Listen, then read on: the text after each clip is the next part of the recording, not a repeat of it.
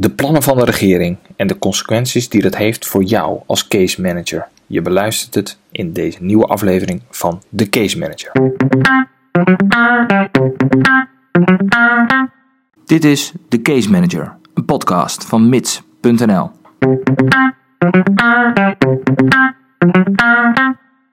Hey Paul, goeiedag. Goeiedag? Mark. Ja, daar zijn we weer. Zijn we weer. Ik hoorde dat jij een eh, presentatie hebt gehouden voor mijn beroepsvereniging. En eh, welke, ik, heb, ik heb meerdere beroepsverenigingen toe mogen spreken. Oh. Ja, OVD. Oh, ja, gaan, we leuk. nu, eh, gaan we nu de goeroe uithangen? ja, ik had een eh, soort van eh, een, een lijstje gemaakt voor doelen in 2018 en presentatie stond bovenaan. Meer presenteren. Oké. Dus ik heb in de afgelopen, nou, ja, afgelopen maand voor de NVA en voor de RNVC eh, mogen eh, praten. Ja, de RNVC, dat is mijn... En eh, RNVC, daar zit jij bij, ja, dat klopt, ja. Nee, dat was heel leuk. Grote groep, jongen, 200 man. ja, ik kon er zelf helaas niet bij zijn. Ja, druk, druk. Hè? Maar Nee, ja. gelukkig spreek ik jou vaak genoeg. Maar het spannende was, het meest spannende was dat mijn vrouw in, ook in het publiek zat. Oh ja. En dat is heel- eh, ja, jouw vrouw tevens... eh, of die ar- arbeidsdeskundige tevens eh Ja, case manager. Ja. Ja, exact. Die zijn heel kritisch, hè? eerste keer heb ik nog gezegd, blijf lekker thuis, want ik dat vind ik allemaal niet zo, niet zo kicken als jij daar ook zit, weet je wel. Maar de tweede jaar, ja, ze moest daarheen ook. Ja. Dus, eh, maar ging, volgens mij ging het goed. Ik, ik was er zeer tevreden. Was niet ontevreden, laat ik het zo zeggen. En nee, het ging over. ik heb een praatje gehouden over. ja, over, over dat nieuwe regeerakkoord, hè? Nieuw. Het is al niet meer zo nieuw. De WAP. Toch? Ja, dat, oh, daar wil jij nu naartoe. Ja, dat is een, eh, een, een, een- ja, een, een uitvloeisel van het regeerakkoord, hè? Ja. Ja. Is waar, sta- staat dat voor? WAB? Eh, eens kijken, ik moet zelf ook nog even zoeken hoor, Oh. want het is echt net nieuw, hè? We, we hebben deze Ja, podcast. maar ik denk, jij hebt er een hele presentatie over gegeven. Jij schudt het zo allemaal uit je mouw. Maar, Ja, ah, nou hallo, maar dat wetsvoorstel is net een dag oud. Dus eh, dat was voor iedereen nieuw. Nee, wetsvoorstel arbeidsmarkt in balans. Als ik me even niet heel. nou, tenzij ik me heel erg eh, vergist, maar dat zijn Oké, wat, is ongeveer de, wat is de strekking eh, van, eh, van dat voorstel? de strekking van het voorstel. Nou, daar staat enorm veel in. Maar eh, kijk, in het regeerakkoord ging eh, over een paar dingen. Eh, werken moet meer gaan lonen. Dat was een beetje het motto, het credo voor eh, de nieuwe coalitie. Eh, werkgeverschap willen ze aantrekkelijk maken en een nieuwe balans tussen flexwerk en vaste contracten. Nou eh, ja, en dat kun je natuurlijk op allerlei manieren doen. Ja, even, dat Eh. werken, even dat werken moet lonen. Hè? Ehm, op het gebied van zieke werknemers. Is, is, dat, toch, is dat toch gewoon zo? Want dat was ook al, ja, maar dat was ook altijd al. nou ja, de wet. de WIA 2006. eh, Ja. Toen was het Ja. al van: oké, vanaf nu eh, loont, loont werken altijd ten opzichte van de arbeidsongeschiktheidsuitkering.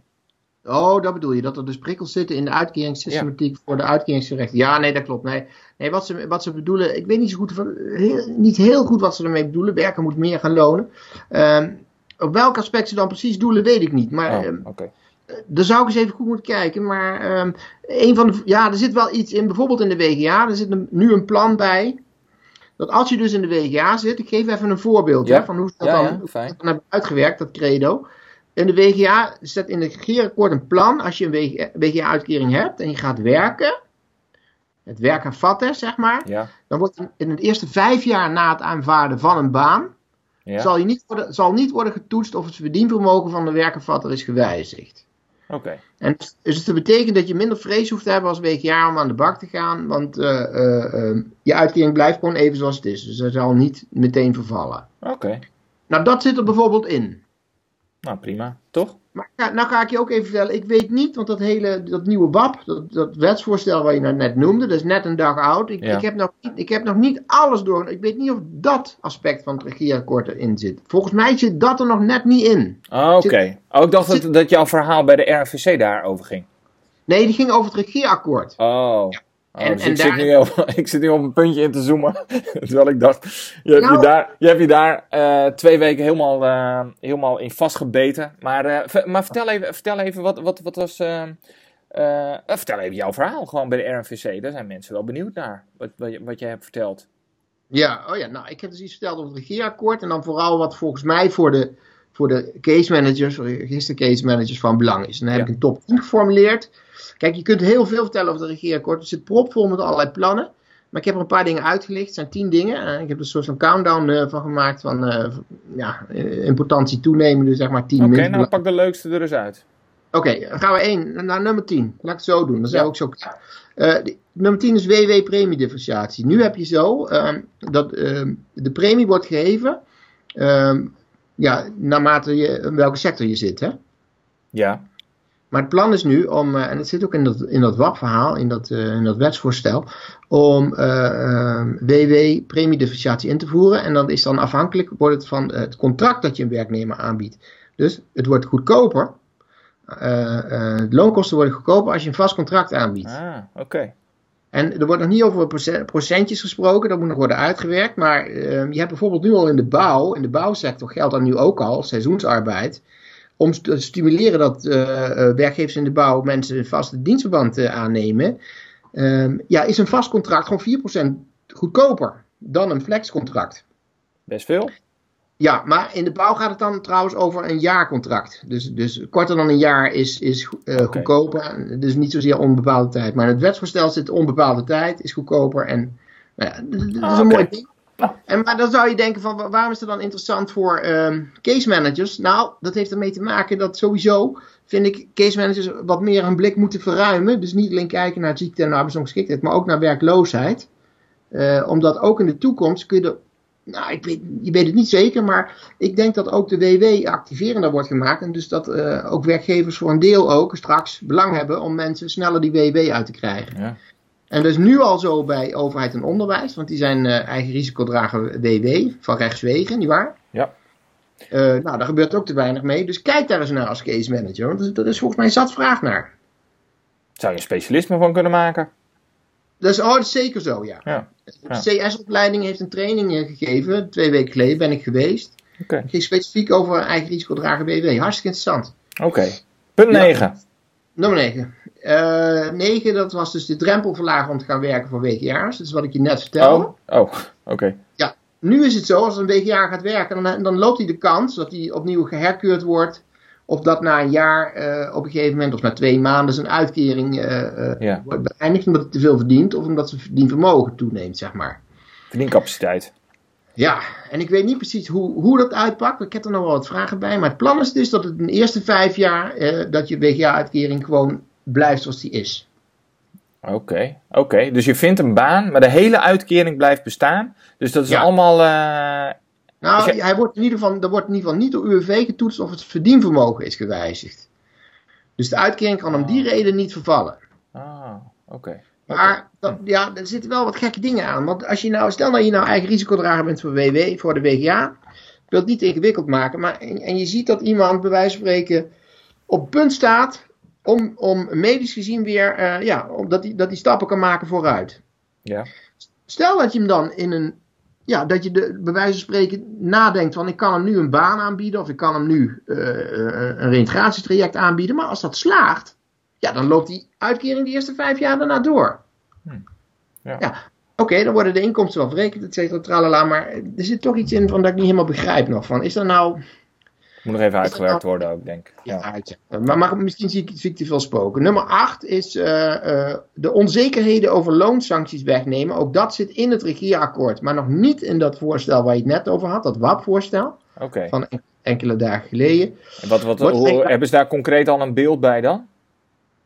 Nou, er is een Kamerbrief gestuurd in 2016. Dat was minister Ascher toen nog. En die heeft gezegd: Wij willen eigenlijk. Uh, wij zijn aan het onderzoeken of het mogelijk is, of het slim is om de loonsanctiemogelijkheid te laten vervallen uh, voor eigen risicodragers WGA. Uh, eh, mm, en dat je dus geen loonsanctie meer kan krijgen wegens te laat of het niet inzetten van het tweede spoor. Ja. Hè, want de argumentatie was van ja, er, er, wordt nu te vaak wordt dat tweede spoor ingezet, maar eigenlijk is dat dan meer voor de show om een loonsanctie te voorkomen. En, en heel vaak is het netto effect van zo'n tweede spooronderzoek, tenminste dat werd beweerd, uh, niet zo heel groot. En werkgevers worden er natuurlijk helemaal gek van, van die sancties. Dat is ook zo. Ja. Dus om werkgevers een beetje tegemoet te komen, kunnen we dan nou niet voor ze regelen dat ze in ieder geval zeker zijn dat ze om die reden geen sanctie meer kunnen. Nou ja, daar had jij laatst uh, toch een goed voorstel uh, voor. Dat je zei van dat moet gewoon uit de algemene middelen gaan komen. Dat uh, zeg maar het bekostigen van zo'n spoor 2. Dat vond ik nou echt een goeie. Ja. ja, mijn, mijn idee is dus, je moet, je moet kijk, die, die sanctiemogelijkheid die moet blijven bestaan, vind ik. Ook voor eigen risicodragers WGA, om wat voor reden dan ook. Als een werkgever te weinig doet, evident te weinig doet, uh, ja, dan moet er een loonsanctie opgelegd kunnen worden. Dat is gewoon de sluitsteen van het hele poortwachtensysteem. Ja. En als je dat weghaalt, ja, dan komt een werkgever bij wijze van spreken weg met, met matige reintegratie. Dat is volgens mij niet helemaal goed. Nee. En, en mijn idee was dan om uh, gewoon, ja, als je bij wijze van spreken het zo moeilijk vindt om uh, de kosten tweede spoor te dragen, ja, maak dan een fonds. Ja. Dan doet het ook niet zo'n pijn als je dat een keer moet inzetten. Ja, goed. Ja, maar okay. dat is dus een plan uit het regeerakkoord. Nou, ik moet nog maar zien of het er komt, want uh, ik, vind, ik vind het niet zo verstandig. Ik had ook een, uh, hand, een, een handjes omhoog vraag gedaan van wie is voor, wie is tegen. Bij die RNVC-leden, meer dan 200. Ja. Nou, bijna alle handen bleven gewoon omlaag hoor, toen ik vroeg wie is voor. Oh, echt waar? Maar wat. Uh, en ze waren niemand... niet in slaap gevallen, Paul, hè? Ze waren nee, nog wakker? Nee, nee, ja. nee, nee, ja, nee klopt. Nee, Soms moet je ook een tegenovergestelde vragen van wie is... Wie is uh, maar wie is waarom, zou, waarom, waarom, zou, zou de case waarom zou je als case manager hier niet voor zijn? Om, om, uh, is, is, dat van, is dat uit eigen belang? Dat je denkt van oké, okay, als, er, als er een sanctie vervalt, ja, dan, uh, dan ben ik minder nodig misschien? Zoiets? Ik, ik, daar zal het zeker in zitten, ja. Maar ik, ik denk dat de loonsanctie gewoon bij het systeem hoort als je die eruit sloopt, ja, volgens mij, uh, dan denk ik dat heel veel uh, werkgevers. Dat zeggen mijn kinderen ook wel eens hoor. Zeg ik, sanctioneren hoort bij het systeem, zeg ik dan. In iets andere woorden dan. Ja. Man management by fear. Is toch, werkt ja, toch altijd nog het beste, hè? Met ja, tot op zekere hoogte. Op een gegeven moment, als je het niet, niet echt. Nee, binnen de grenzen, binnen de grenzen. Geen zorgen maken, mensen. Maar, maar, Geen zorgen. Ja. Ik, ik, ik vind dit een, dit is een hele ik vraag me af of het gaat halen. Okay. Of het wetsvoorstel überhaupt het gaat halen. Laat staan dat het uiteindelijk doorgaat. Ga gewoon door. Maar puntje 7. Puntje 7. Uh, wijziging van de ketenregeling voor bepaalde tijdcontracten. Deze, nummer 7, zit wel in het, uh, in het nieuwe wetsvoorstel. Kijk, je hebt nu de 3 keer 2 regel. Dus binnen twee jaar mag je drie contracten opleggen. En daarna zou er een vast contract ontstaan, weet je niet? Ja, ja. Nou, dat gaat gewijzigd worden weer naar 3 keer 3 Net zoals het eigenlijk... Dat was het, ja. Dat was het ook was, onder de, voordat die WWZ werd ingevoerd. Dus we gaan weer terug eigenlijk. We draaien de knoppen Niet goed terug. bevallen dus. Nee, dat, dat, functioneerde ook niet echt natuurlijk. Er was allerlei kritiek op, op dat 3 keer 2 Maar nu hebben heel veel mensen ook weer kritiek op dat 3 keer 3 systeem. Dus dat is ook nooit goed natuurlijk. Nee. En een ander puntje is dat samentelling van uh, tijdelijke contracten. Uh, uh, ja, dat was vroeger. Dus dat, dat kreeg je dus bij een tussenpoos van zes maanden of korter. Ja. Kun je me nog volgen? Ja, ja, ja zeker. Hè? En, dus als je een. Je, je had samentelling van twee contracten als er minder dan zes maanden tussen zat. Ja. Met één uitzondering bij CAO voor seizoensarbeid. Belangrijk om even te noemen. Ja. en in het uh, regie, of tenminste ook in het, het BAB, in dat nieuwe voorstel, wordt er ook een, een uitzondering mogelijk gemaakt voor ander terugkerend tijdelijk werk, dat ten hoogste voor een periode van negen maanden kan worden verricht. Okay. Dus, dus, dat. Uh, maar ook voor onderwijs. En dat is een hele belangrijke. Dus uh, laat ik maar zeggen, uitval in het primaire onderwijs wordt het nu ook makkelijker om, uh, um, ja, laat ik maar zeggen, um, um, een, een, een ander, een vervanger aan te stellen, zonder dat er gelijk een een, een vast dienstverband oh, ontstaat. Oké, okay. maar die zes maanden termijn die blijft uh, gehandhaafd?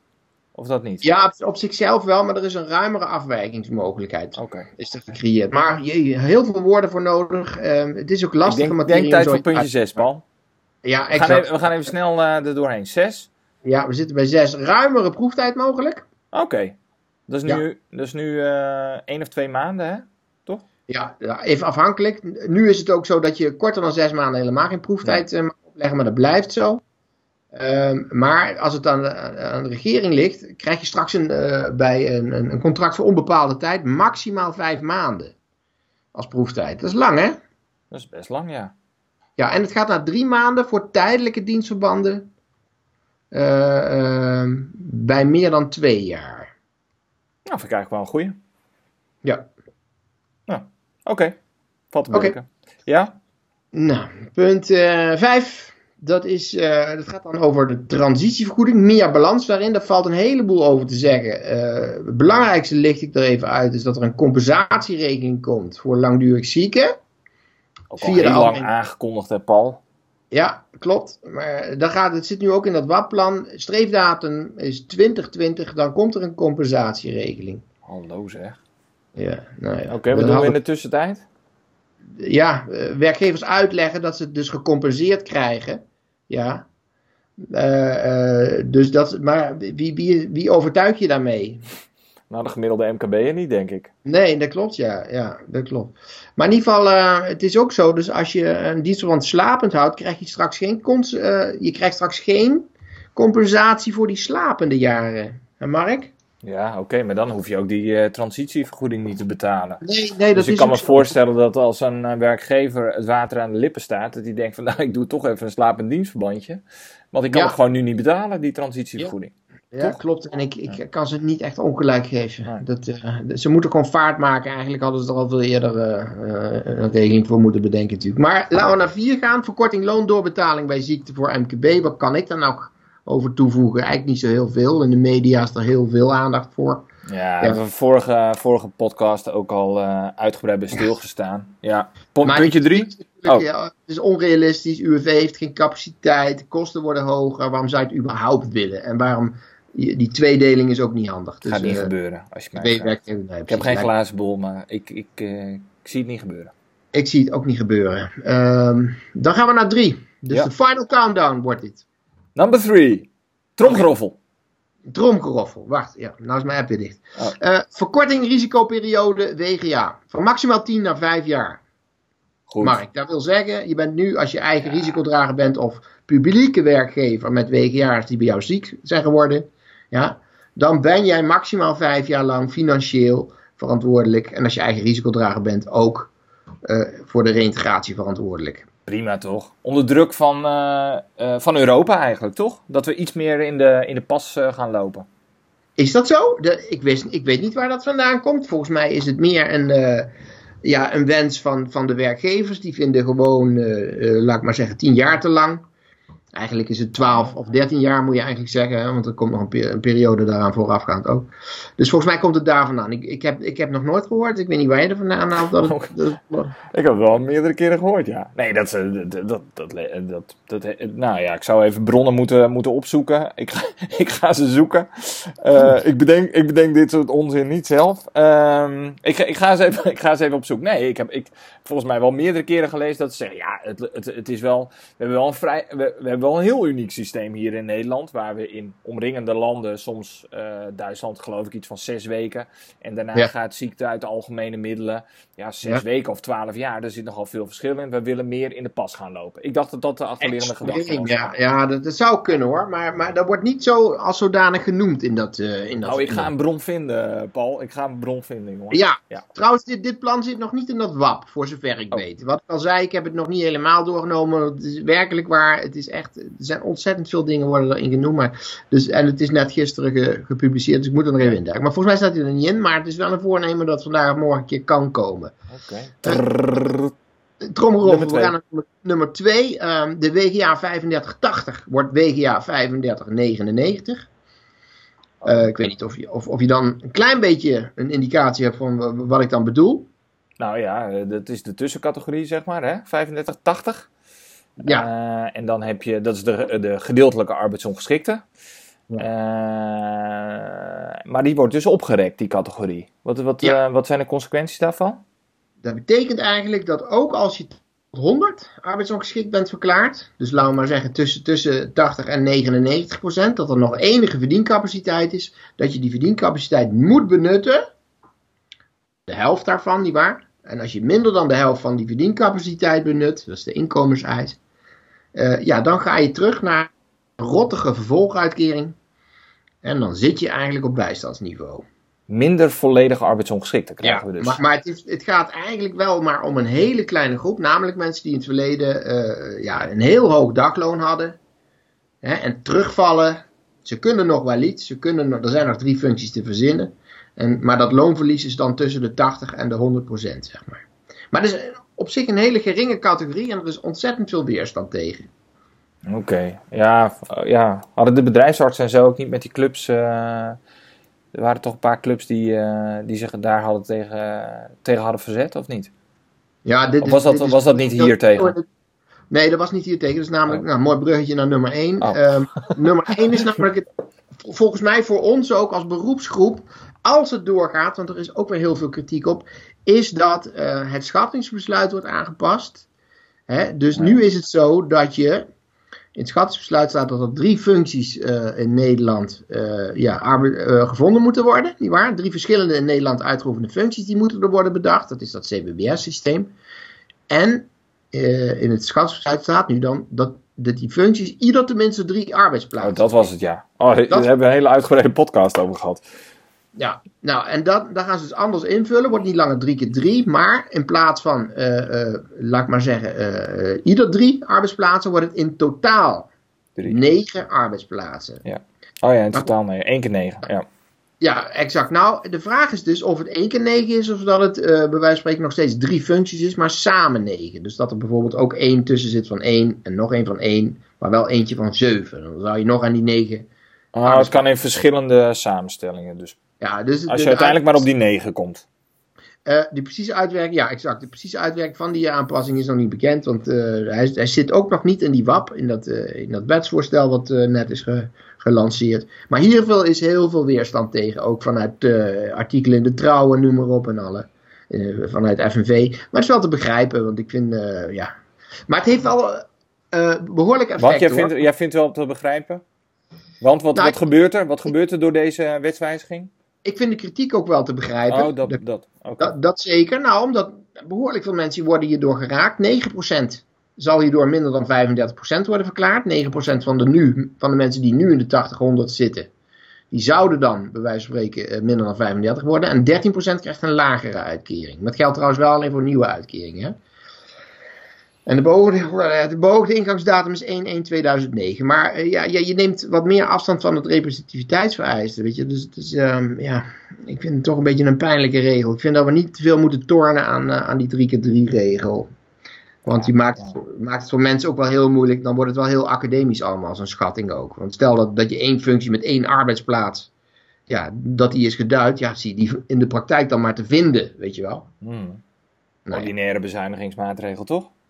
Ja, het scheelt, eh, nou volgens mij 500 miljoen. Nee, ik weet het niet. Nee, niet 500, weet ik niet precies. Maar ik geloof, nee, ik, het scheelt behoorlijk, dat wel. Maar de vraag is of je dat moet doen, want je breekt de, volgens mij het hele systeem af. Moet je niet doen. Oké. Oké, nou, veel wijzer geworden. Er Eh, zit en nog wel hoop- wat aan te komen dan, hè? Ja, er zit nog wel een hoop aan te komen. Maar Maar, eh Koolmees, die eh, kan aan de bak als hij dit allemaal moet gaan, eh, gaan uitvoeren. Ja, maar dit is nog lang niet alles. Ik heb in, in die top 10, vorige gisteren heb ik nog niet eens de, wijziging van het ontslag, eh, eh, dus het stapelen van ontslagredenen meegenomen. Ik heb ook de ZZP-problematiek nog niet eens aangestipt. Daar willen ze ook wat aan doen, weet je wel. Dus dat het, eh, ja, dat de loonkosten, nou ja. In ieder geval dus de verhouding flex en, en vast op, op allerlei manieren wordt eh, eh, verbeterd, vinden ze zelf. Daar heb ik nog het niet stapelen van die ontslagredenen, ja, dat had ik ook gelezen deze week. Dat vond ik wel interessant op zich. Dus dan, dan, dan want je hebt nu iets van acht categorieën volgens mij, iets, eh, acht ontslaggronden. En Ja, klopt. straks is het, eh, en nu moet je echt één van die acht hebben. En dan moet je Ja. eh, een goed dossier hebben en dan kun je van iemand af. En straks Ja. is het van, nou, als je een beetje twee, twee, twee halve dossiers hebt, op twee, eh, twee verschillende gronden, dan, dan, dan, Ja. gaat het, dan gaat het ontslag ook wel door. Eh, alleen dan moet je iets meer betalen, geloof ik. Exact, ja. Dan krijg je een, een maximaal 50% hogere transitievergoeding. Dus bovenop die 100% die nu al maximaal geldt. Maar, maar dat, dat klopt, dat is een, eh, ja, een reden die, of wel een, volgens mij wel een goede verbetering. Maar ja, er is wel heel veel weerstand tegen. Ja, door de vakbond of zo. Ja, maar ja, dat is, altijd, dat is natuurlijk altijd zo. Alle Ja, dat is een veranderingen die... klassieke pa Pavlov-reactie natuurlijk even. Ja. Maar eh, oké. Helemaal goed. Nou ja, dan kunnen we dan... eh, kijk, als, eh, als er wat dingen weer wat concreter worden, dan kunnen we er een keer op teruggrijpen. Maar dan hebben we even een, even een overal beeld nu, wat er aan zit te komen ongeveer. En, misschien is het wel interessant om te weten, er is een internet consultatieronde gestart, dus dan kun je ook alle kritieken lezen. En als je zou willen, zou je zelf ook eh, ja, je opmerkingen kunnen plaatsen bij dat wetsvoorstel. Dat is wel een, op zich een mooi fenomeen, dat internetconsultatie. Heb je dat Houd- al even gedaan? Of, of doe je dat soort dingen niet? Ja, ik heb het wel eens gedaan, maar ja, wie ben ik nou, weet je wel. Dus ik ben maar een kleine figuur, uiteraard. En dan krijg je daar nauwelijks reactie Nou, op. niet, Maar is- iedereen, iedereen die komt in deze podcast eh, show, eh, Paul. leuk, dat, leuk dat je dat zegt, maar ik denk als je dus een RNVC bent of een, een, een andere beroepsvereniging, ja, dan, dan, dan heeft het veel meer zin om je stem op die manier te laten horen. Dan heb je ook echt kans dat je daar... Ja. eh, Ja, ja, dat, dan heb je een achterban. En eh, ja, dan moet je je laten horen. Vind ik ook. Vind ik ook. Ja. Hey Paul, hartstikke bedankt. Een beetje een lange podcast geworden, maar, eh, maar veel, veel wijzer geworden. Op naar de volgende. ja, next one. Spreken elkaar. Dag. Yo, groetjes, hoi.